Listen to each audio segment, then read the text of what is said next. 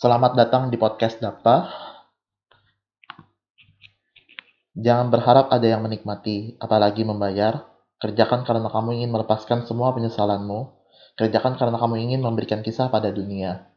Kerjakan karena kamu tulus, bukan mengharap imbalan. Dunia kreatif itu kejam terhadap insan-insan di dalamnya.